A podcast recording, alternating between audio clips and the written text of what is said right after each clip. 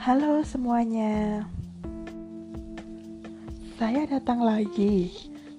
Kali ini saya akan mengajak pendengar semuanya untuk membaca satu novel grafis dari penulis Korea Selatan yaitu Kim Dong Hwa yang judulnya Sepeda Merah.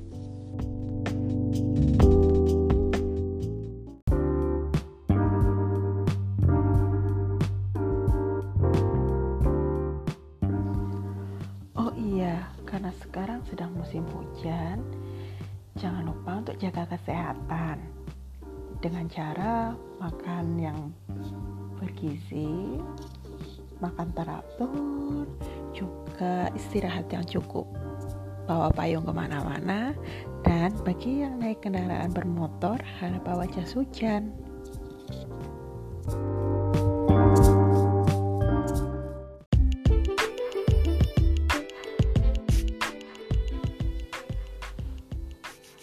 Begini sinopsisnya.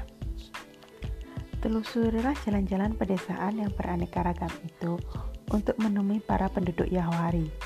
Anda pasti akan berpapasan dengan sepeda merah di tukang pos yang berkeliling penuh dengan keselarasan dengan alam sekitarnya. Selamat mendengarkan.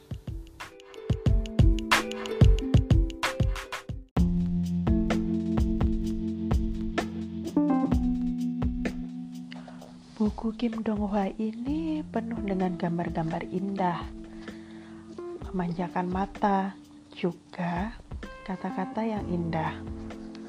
Kita mulai ya. Kisah yang pertama, sepeda merah. Sepucuk surat untuk rumah dengan semak-semak warna kaki. Dan hop, sebuah surat.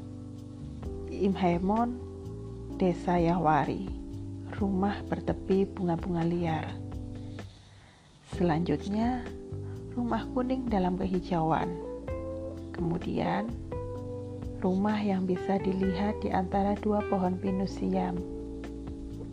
Rumah bergenting merah, rumah dengan banyak anjing, rumah tempat kita menanam bunga di kebun kol Cina, rumah tempat burung beristirahat rumah berkilau. Dan ini apalagi rumah tempat kita merasa semakin baik dan membaik. Ya ampun, alamat-alamat apa ini? Bukankah lebih sederhana jika menggunakan nomor? Tetap saja tidak menghentikanku untuk mengirimkan surat-surat. Selamat pagi, Anda pindahan? Iya, ke alamat mana? Eh, ya uh, rumah kami paling tua di antara semuanya. Sebenarnya ini rumah paling indah di bawah langit berbintang. Dan begitulah satu lagi alamat baru untuk dinikmati.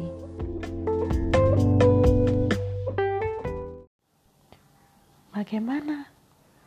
Apakah terbayang tentang tukang pos dengan sepeda merahnya mengantarkan surat ke rumah-rumah dengan alamat unik. Tukang pos tersebut menikmati pekerjaannya, menikmati berkunjung dari satu rumah ke rumah. Hmm, bagaimana kalau saya bacakan satu cerita lagi?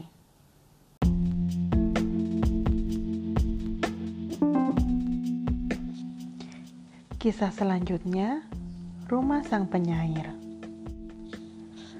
Setiap pagi saat menyiapkan pekerjaanku, aku akan mencari satu alamat tertentu di antara amplop-amplop, yaitu rumah sang penyair yang tinggal di perempatan Sedong. Ada satu, aku gembira kalau menerima pucuk surat untuk sang penyair, seolah-olah menemukan daun semanggi berhelai empat. Setelah desa Yedong, Aku tiba di Sedong dan aku pergi ke depan rumahnya. Portal dan gerbangnya terbuat dari kayu alam. Kotak suratnya mirip rumah burung. Aku membukanya dengan perlahan, seolah-olah mengambil telur-telur. ada pesan kecil yang terlipat. Terima kasih Pak Tukang Pos. Seperti biasa, tulisannya rapi. Kutaruh suratnya ke dalam kotak tempat pesan tadi berada.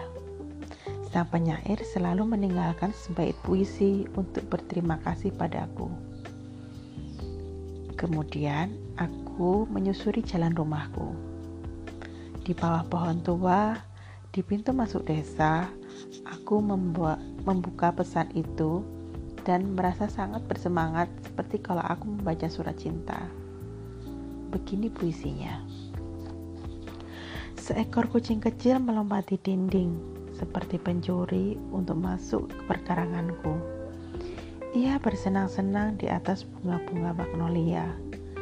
Lukisan ini begitu menyentuh sehingga menguasaiku, tersembunyi di belakang jujubah. Pada akhirnya, Pencuri yang sesungguhnya mungkin saja bukan kucing itu. Aku penonton dari kehidupan sang penyair. Ini puisi ke-76. Ini bahkan bisa dijadikan buku. Satu-satunya koleksi di dunia puisi untuk dipersembahkan untuk seorang tukang pos.